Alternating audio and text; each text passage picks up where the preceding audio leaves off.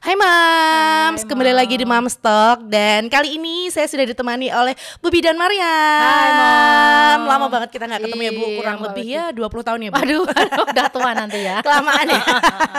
nah Bu, eh, kali Ah, ini ah. kita ada topik bahasan bahwa eh, pijat bayi turunkan dan kontrol bilirubin pada bayi. Emang bisa? Bu, sekilas tentang penyakit kuning. Ini tuh sebenarnya apa sih penyebabnya Bu? Oh, ya tuh eh, biasanya tuh kan ada Mbak Widya dulu ini sharing dulu ya. Ya, dulu sharing anaknya dulu, boleh. eh, ke satu kedua pernah kuning enggak? Eh, belum pernah. Belum pernah pernah, ya, belum pernah. berarti bagus Iya, ya. Sebenarnya so kan far bagus. Tapi Ah, ada ah, ah. beberapa uh, anak teman saya tuh ada yang, yang kuning, kuning, juga bu. gitu. Iya. Jadi eh, Kan, perlu waspada Iya, gitu ya. Kadang kita sebagai apalagi orang tua New baru, mom ya. Mm-mm. uh, anak pertama pasti semua khawatir Mm-mm. dan langsung dibawa ke rumah sakit dan lain Ah, sebagainya kayak Nah, gitu. Sebenarnya kan kuning itu ada ada yang wajar, ada yang tidak wajar, Ya. Mbak. Karena kan setiap bayi itu kan memang produksi ya. Iya. Namanya kan bilirubin diproduksi, ada yang normal dan ada yang tidak normal. Ya. Nah, kalau yang normal itu biasanya kan terjadi pada hari 2, 3, 4 dan akan hilang setelah hari ke-14. Ya, nah, betul. itu berarti eh, tapi memang ada yang tidak normal itu kan ada ada angkanya. Ya. Berapa sih kalau ada beberapa dokter yang mengatakan di atas angka 12 itu sudah harus dilakukan terapi. Ya, Tapi betul. kalau eh, belum berarti masih aman. Nah, penyebabnya bisa jadi karena riwayat lahir prematur bisa Ya. jadi. Terus yang paling sering terjadi itu perbedaan golongan darahnya Oh gitu. sama ibunya. Iya, Makanya iya, iya. RH-nya plus min itu kan Ya. kalau penurunan dari AB ternyata anaknya jadi apa Ya, gitu kan betul. berarti beda golongan darahnya karena membentuk Ya. antibodi akhirnya kalah. Akhirnya Oke. bilirubinnya tinggi. Terus ada trauma di persalinan, mungkin eh, traumanya karena vakum bisa jadi. Nah, itu kan ada memar. Nah, terus Ya. ada kalau prematur itu biasanya kan organ-organnya belum siap matang. Betul. Otomatis hatinya itu belum bisa ya itu ya pankreasnya belum bisa nyernak kadar bilirubinnya belum bisa keluar dengan maksimal. Oke. Terus ada juga penyebabnya yang eh, yang paling sering terjadi karena kurangnya ASI. Oke, jadi Ya, memang kadang kan kita kalau sebagai orang tua Mm-mm. baru kadang uh, di beberapa hari awal tuh Mm-mm, ASI belum lancar belum ya Bu, lancar, kayak masih iya, seret atau mungkin bahkan ada yang belum keluar kayak Iya. gitu kan. Nah, Nah, itu, itu, jadi salah kadang satu bisa jadi salah satu penyebabnya salah faktor ya, Bu, itu untuk, uh, iya, bayi bisa bayi menderita penyakit kuning ya. iya. Mm-mm. Nah, terus uh, mengapa bisa disebut hyperbilirubin, Bu? Dan sebenarnya berapa sih kadar bilirubin tuh yang aman untuk bayi itu Nah, berapa, Bu? Iya. Eh kenapa bisa disebut karena bilirubinnya itu lebih tinggi dari batas normal. Oke. Nah, kalau masih hari eh, ke 1 24 jam pertama biasanya kan masih kontrol di rumah sakit Iya, atau di betul. bidan. Kalau curiga kuning nanti akan dilakukan pengecekan, biasanya laboratoriumnya. Oke. Kalau lebih 12 perlu tindakan biasanya tidak akan dipulangkan dulu, dilakukan tindakan fototerapi dulu sama eh, dokter anak ya Oke. pastinya. Terus kalau yang eh, udah pulang ini umpamanya harus hari kedua, ketiga, keempat sampai ke hari 7 itu sampai ke hari 14 itu masih normal. Iya. Ya, masih normal tapi normalnya tetap kita waspadai juga. Berapa sih angkanya kekuningannya itu standarnya berapa kan ada Ya. nanti kita ngecek-ngeceknya itu dari muka, Oke. tangan, dada, perut sampai kaki. Kalau memang dirasa terus ada bahayanya lagi kalau dia lemes atau letargi tidak mau minum, Ya, minumnya betul. berkurang. Betul. Terus pipisnya, pipisnya belum ada enam kali, terus BAB-nya itu perlu diobservasi lebih lanjut. Iya. Kalau memang ada ciri-ciri yang membahayakan, kita wajib konsultasi ke dokter. Oke, terus gitu. Bu, eh, Mm-mm. gimana sih cara cek bilirubin bayi itu kan kadang kita kalau di rumah tuh kadang cuma kayak Tekan-tekan. kulitnya ditekan-tekan Ah, ah, aja. ah, Nah, ah, sebenarnya itu cara itu tuh benar atau mungkin ada cara lain yang lebih efektif lagi, Bu? Eh, ngecek sebenarnya yang paling efektif bilirubin? eh, bilirubin harus dicek diambil darahnya. Oh, itu yang paling Ya, efektif. paling Bu. efektif. Tapi untuk kira-kira kita itu di rumah ini bayiku masih aman tidak sih? Nah, Kita akan itu. cek. Nah, ini bayinya biasanya kan eh, nanti kita lihat dari matanya, Ya. kuning enggak, mukanya kalau masih kan ada derajatnya tuh Mbak, derajat 1, 2, 3, 4, 5. Kalau satu kan sampai di leher ini masih aman. Sampai tangan, sampai perut, sampai eh, tungkai terus yang kelima itu sampai eh, seluruh tubuh. Ya. Ini kita tekan pelan-pelan. Di muka dulu ya, ya, Bu? di muka kita tekan Kadang kan ada yang ini Bu, mata Ha-ha. belum kelihatan terlalu kuning, Ha-ha, tapi kadang tapi- tuh ada orang tua yang suka ngira-ngira itu anakmu kuning kuning loh kayak gitu. Kadang Iya. kan mungkin kita ngelihat bayi satu dengan bayi Ha-ha, lain kan kadang beda. ya Ha-ha. gitu. Kadang tuh ada yang udah ngejudge itu Ini bayimu kuning. kuning. Iya, Nah, iya. itu yang Nah. bikin kadang tuh kita Nah. orang tua baru tuh jadi worry gitu, Ya, Bu. Jadi diceknya harus di tempat yang terang. Oke. Ya, tempat terang nanti kita akan tekan sedikit. Kuningnya cepat kembali tidak? Iya. Iya, kalau cepat kembali kan kadang ada bayi kayaknya kuning kayaknya enggak karena kita kadang ngeceknya salah di tempat yang agak gelap. Ya di kamar Apalagi gitu ya, ya. lampunya agak redup kuning Iya. kan. Jadi akan eh, akan tambah lebih kuning lagi. Iya. Nanti kita cek dari mukanya kalau kelihatan dari mata biasanya kan kelihatan ya skleranya atau putih-putihnya itu akan kelihatan lebih kuning. Nanti Iya. akan kita pencet kita tekan perlahan kayak dipijit pelan-pelan. Oke. Eh, ini kuning enggak? Kalau enggak kuning biasanya kalau kuning itu tidak akan cepat kembali lebih tiga detik. Oh jadi kan biasanya. gini, Mm-mm. kalau kemarin saya sempat lihat anak teman saya Mm-mm, tuh kuning mm-mm. gitu ya bu. Jadi kalau mau ditekan, jadi eh, kayak Baliknya lama. Iya, lebih kebaliknya lama. lebih tiga detik Oke. biasanya. Kalau eh, dan warna kuningnya pun nggak kuning pekat ya bu. eh, Itu eh, kayak eh, kuning eh, agak muda, agak muda, semu-semu gitu heeh. ya bu. Terus yang paling bahaya kan nanti kita cek bayinya ini nyusunya gimana, terus Ya. lemes enggak. Nah, Ya. berarti kalau udah letargis atau lemes ya itu langsung dibawa ke rumah, Rumah sakit, sakit. Jadi betul. memang kita eh, untuk awal-awal itu memang harus aware ya sama anaknya banyak belajar juga Ya, gitu Mbak betul. Widya. Iya. Terus bu eh, Mm-mm. sampai maksimal usia berapa ya bu ya kalau bayi mengalami penyakit kuning itu? Apakah cuma untuk baby newborn Mm-mm. atau sampai di usia-usia tertentu tuh bayi juga bisa mengalami ini namanya penyakit yang kuning? paling sering yang, pa- yang fisiologis yang tidak berapa itu sampai Ya. 14 hari. 14 Tapi hari, kalau oke. yang udah lebih 14 hari dengan kadar bilirubinnya yang perlu diobservasi kalau ada curiga kuning banget nanti biasanya akan dicek bilirubin itu Eh, kalau nanti perlu tindakan ya tindakan tapi kalau masih kuningnya batas normal ya sudah aman ya, gitu. oke, Jadi kalau oke. lebih 14 hari yang biasanya itu yang masih kuning dengan bilirubin yang tinggi itu yang berbahaya. Oke, terus Heeh. penanganan yang tepat nih Bu untuk bayi yang eh, kedapatan penyakit kuning mungkin ada Mm-mm. beberapa moms juga yang Mm-mm. kayak aduh aku pertama kali aku harus Terus ngapain? dulu nih biar kan kadang ada beberapa orang tuh yang kayak eh, aduh nggak usah rumah sakit dulu deh jangan Mm-mm, berhubungan mm. dengan obat dulu kadang tuh pengen anaknya tuh semuanya serba alami nah kira-kira tuh Mm-mm. apa Bu Eh, Yang penanganan pertamanya minimal. seperti apa Yang pertama eh, rajin susu kan ya, Iya. Eh, tetap ASI Cairan ya, ya, Bu? Heeh, ASI ya. Iya. Jadi eh, karena ASI itu yang faktor yang mempengaruhi ya, jadinya Oke. karena ada cairan yang masuk. Jadi asinya sesering mungkin. Nah, terus bisa eh, apa yang kedua dijemur, ya jemur itu paling, pagi. paling gampang ya Bu iya, dijemur di pagi hari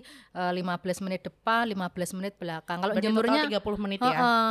Jemurnya juga dilihat kalau cuacanya memang anginnya semeribit ya Iya. Mbak itu enggak usah dibuka bajunya enggak masalah. Tapi kadang orang ada yang over yang jemurnya sampai bajunya Oh iya, gosong betul. banget gitu sampai kan. ini ya Bu merah It- kadang malah jadi hitam Iya. gitu merah Kadang- hitam tuh Bu Kadang saya kaget datang kontrol kok ini kok glowing gini. banget gitu kan. Iya karena kan kalau orang tua zaman dulu nih bu itu kan masih yang kayak percaya kalau uh, jemur bayi itu harus dilepas Harus bajunya lama, semua nggak usah pakai popok Nah. jadi bener-bener bayi ya, itu iya bugil ditelanjangin gitu bu jadi dijemur kadang kan saya juga kasihan kalau bayi saya jadi hitam gitu Iya. kadang kan kita juga takut iya, gitu bu sebenarnya yang, eh, jangan langsung kena sinar matahari Iya, ya. itu malah yang paling boleh, bagus ya, Bu, iya, ya? boleh pakai popok, Iya. boleh pakai baju yang tipis saja enggak apa-apa. Jemur 15 menit depan, ditengkurapkan eh, 15 15 depan belakang terus asinya sesering mungkin. Iya Terus nanti sambil kita pantau tingkat kekuningannya. Nanti kan ada jadwal kontrol tuh biasanya tiga hari, Iya, betul. seminggu gitu. ke dokter ya sekalian vaksin Mm-mm. dan lain sebagainya kan Iya, bisa ngecek juga heeh, nih Iya, nanti biasanya bayi. dikatakan, oh ini kayak eh, sepertinya memang ada indikasi untuk dicek bilirubin. Tapi setelah dicek pun kalau batas normal biasanya tetap disusuin sesering mungkin tidak di- tidak lakukan tindakan di rumah sakit biasanya. Oke. Gitu. Terus Bu, uh, apakah menjemur bayi ini tuh bisa memecah bilirubin Bu? Maksudnya uh, mungkin setiap bayi kan pasti dijemur juga nih setiap pagi. Tapi apakah dengan bayi-bayi yang mengalami uh, indikasi penyakit kuning ini apa bisakah memecah bilirubin itu? Dengan bisa menjemur? tapi ya kurang maksimal dengan eh, tetap dijemur tapi kan itu meminimalkan kuning biar tidak terlalu lanjut. ya. Tapi kalau kalau biasanya terjadinya bilirubinnya karena perbedaan golongan darah, meskipun dijemur, meskipun susah ya? diasi, tetap bilirubinnya naik. Jadi kita lihat nanti kan faktor penyebabnya itu apa dulu gitu, Oke. Mbak. Kalau memang karena ASI, berarti kurang asinya berarti kan tetap diasi terus. Tapi kalau Ya. memang eh, asinya udah banyak, udah dijemur, ternyata eh, faktor penyebabnya perbedaan golongan darahnya itu tetap Iya. dilakukan fototerapi biasanya di rumah sakit. Oke. Gitu. Terus Bu, apakah berbahaya tuh kalau nggak segera ditangani? Apakah sampai dengan kematian ya? Seperti itu kan mungkin ada banyak juga ya uh, faktor-faktor bayi meninggal di awal Mm-mm. awal kehidupan ibaratnya Mm-mm. mungkin baru beberapa hari sudah Mm-mm. sudah apa namanya eh, kena penyakit kuning terus Mm-mm. beberapa hari kemudian bayi kita meninggal kayak gitu Ya. tuh indikasinya untuk bisa situ saat Bu? ini untuk meninggal eh, masih dilaporkan kasus jarang Iya. ya. Biasanya eh, kalau yang lebih fatal itu Ya. biasanya kalau bilirubinnya udah sangat tinggi, mungkin bisa di atas kurang lebih di atas 25.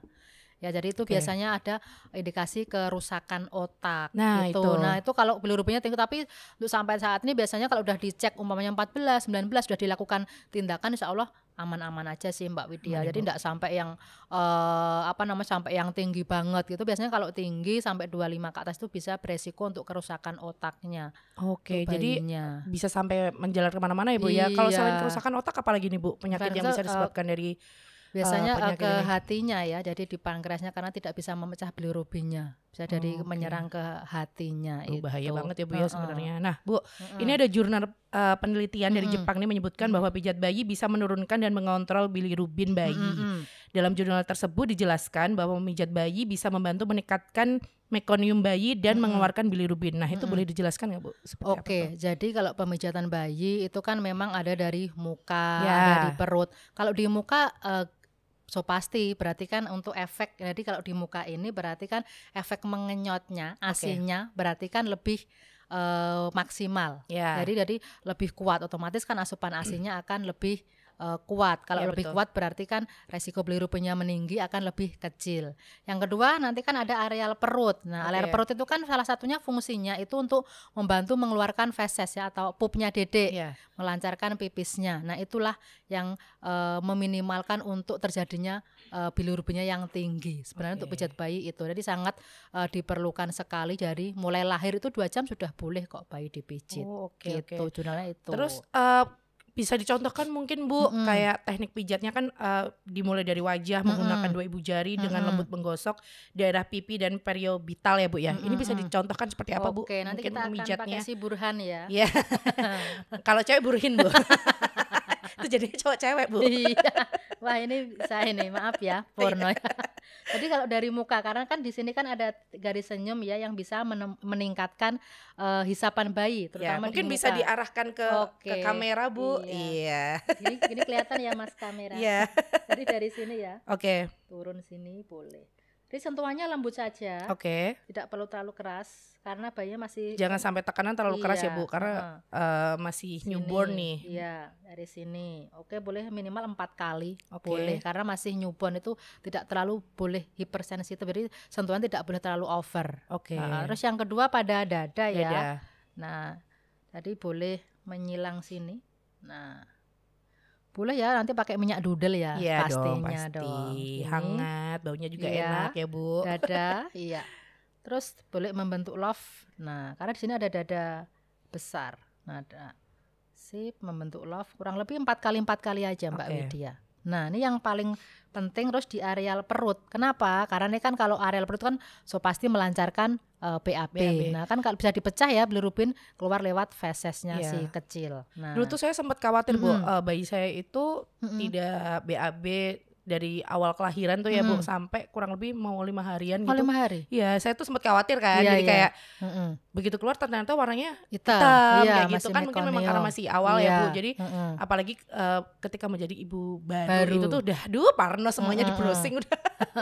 Kalau dalam 24 jam harusnya ee dulu. Iya, iya. Heeh, tapi karena memang kalau ASI itu bayi ASI memang eh, ndak ee maksimal lebih 14 hari. Tapi Iya. dalam 24 jam harus ee dulu. Berarti Iya. kan pencernaannya lancar. Oke, kembali lagi Kembali ke lagi perut ke ya. perut lagi. Oh.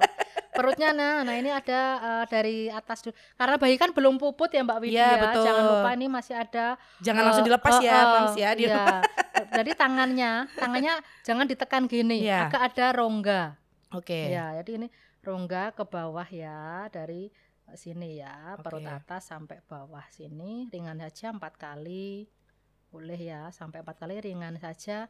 Terus ini dari kolon dari dari umbilical atau apa namanya ini eh, eh, Pusar. pusarnya Iya. ke kanan kiri. Karena ini mendorong kotoran ya. Oke. Nah, ini boleh empat kali empat kali. Nah, terus nanti boleh bulan matahari ya, pelan-pelan. Oh, bulan Ah, matahari. Bulan-bulan Oke. bintang ya itu Iya. partai. Susah juga Bu bikin Iya. bintang di perut. nah, kan separuh lingkaran dulu Mbak Widya. Iya. Terus dari lingkaran penuh. Habis Oke. itu baru I love you membentuk I. Ya, ini yang sering Love, dilakukan heeh. oleh ibu-ibu di rumah ya, Bu. Iya. Nah, ini kan juga mengatasin kembung juga. BAB-nya kan didorong itu dari kolon ah, nah, dari ususnya ini kan terus ke sini. Oke. Akhirnya kalau bayi itu biasanya kalau udah mau pup kerasa perutnya di bawah ini. Itu gerakan-gerakan ringan Kayak kenceng gitu atau Heeh. gimana Bu kalau kerasa kalau pup terasa pup di bawah sini mbak di kolonnya di paling bawah ini khususnya perutnya akan kerasa kayak gerenjelan mau PAP Oh itu udah gitu. kerasa Oh ini saya baru Oke. tahu loh Bu malah. oh iya nanti boleh dipraktikkan kalau adiknya ndak pup coba ada diraba perut bagian Iya, bawah iya, oke oke. nanti ada yang bagian belakang juga nah sentuh aja tangannya di ke atas kan ya mbak Widya Iya. waduh muter ini gitu. Aduh, aku sih Rai. ini boleh ini ya ini boleh lembut saja Oke. yang lembut empat kali empat kali terus sampai ke sini nah Oh, oke Oke. gitu ini boleh nanti dipegang pelan-pelan sip sentuhan lembut aja yang bisa dilakukan momi-momi setiap hari di rumah Oh berarti ini Mm-mm. nggak nggak harus dilakukan oleh profesional ya Oh, Bu? tidak. Jadi sebenarnya semua mams mami di rumah bisa, tuh bisa gerakan lembut melakukan hal Mm-mm. ini ya Bu. tapi Nah, kalau takut boleh belajar ya Iya nanti. karena kebanyakan masih Mm-mm. takut uh, ketika bayi dipijat tuh bayinya nangis nih. Terus gimana Bu kalau mamanya mengatasi hal itu Hal tuh nangis ya. apakah tetap dilanjutkan pijatannya atau gimana Bu?